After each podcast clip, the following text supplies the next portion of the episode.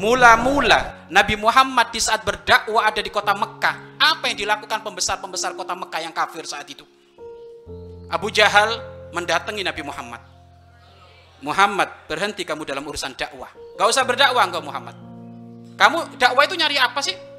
Kalau kamu dakwah nyari pangkat, engkau akan aku angkat menjadi orang nomor satu di Mekah. Tapi tolong jangan berdakwah. Rasulullah hanya senyum saja.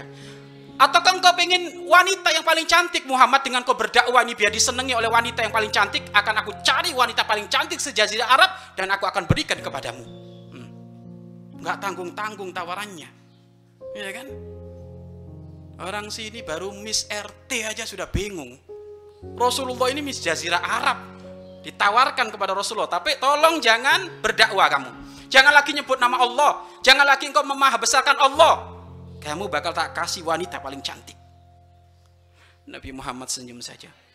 Baik, kalau masih kurang Muhammad, akan aku kasih kamu. Kalau memang dengan dakwah itu kamu mencari kekayaan, akan aku jadikan engkau orang paling kaya raya sekota Mekah. Kalau memang masih kurang, ya sudah, tak kasih engkau pejabat, nomor satu sekota Mekah, istrimu paling cantik, kaya raya sekota Mekah. Sok, ayo. Yang penting kamu berhenti dalam urusan dakwah. Rasulullah tegas enggak.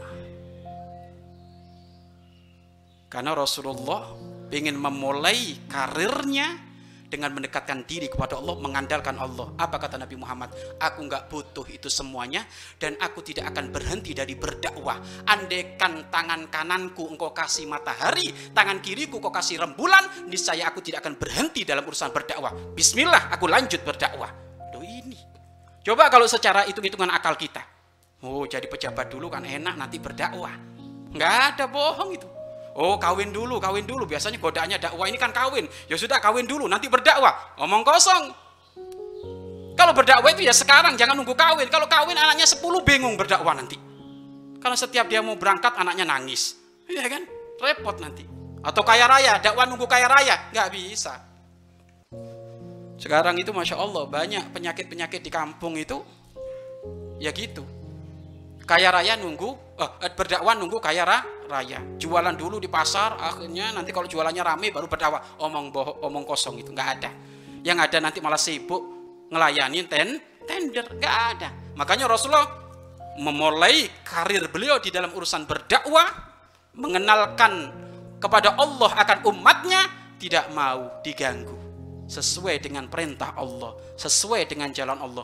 Maka siapa pun, wahai umat Nabi Muhammad SAW, jika engkau ingin sukses dengan karirmu, maka titihlah karirmu dengan memahabesarkan Allah. Ikuti, patuhi syariat is Islam. Engkau akan menuai nanti hasil yang barokah dan hebat. Baik, ini dalam urusan dalam urusan menitika karir.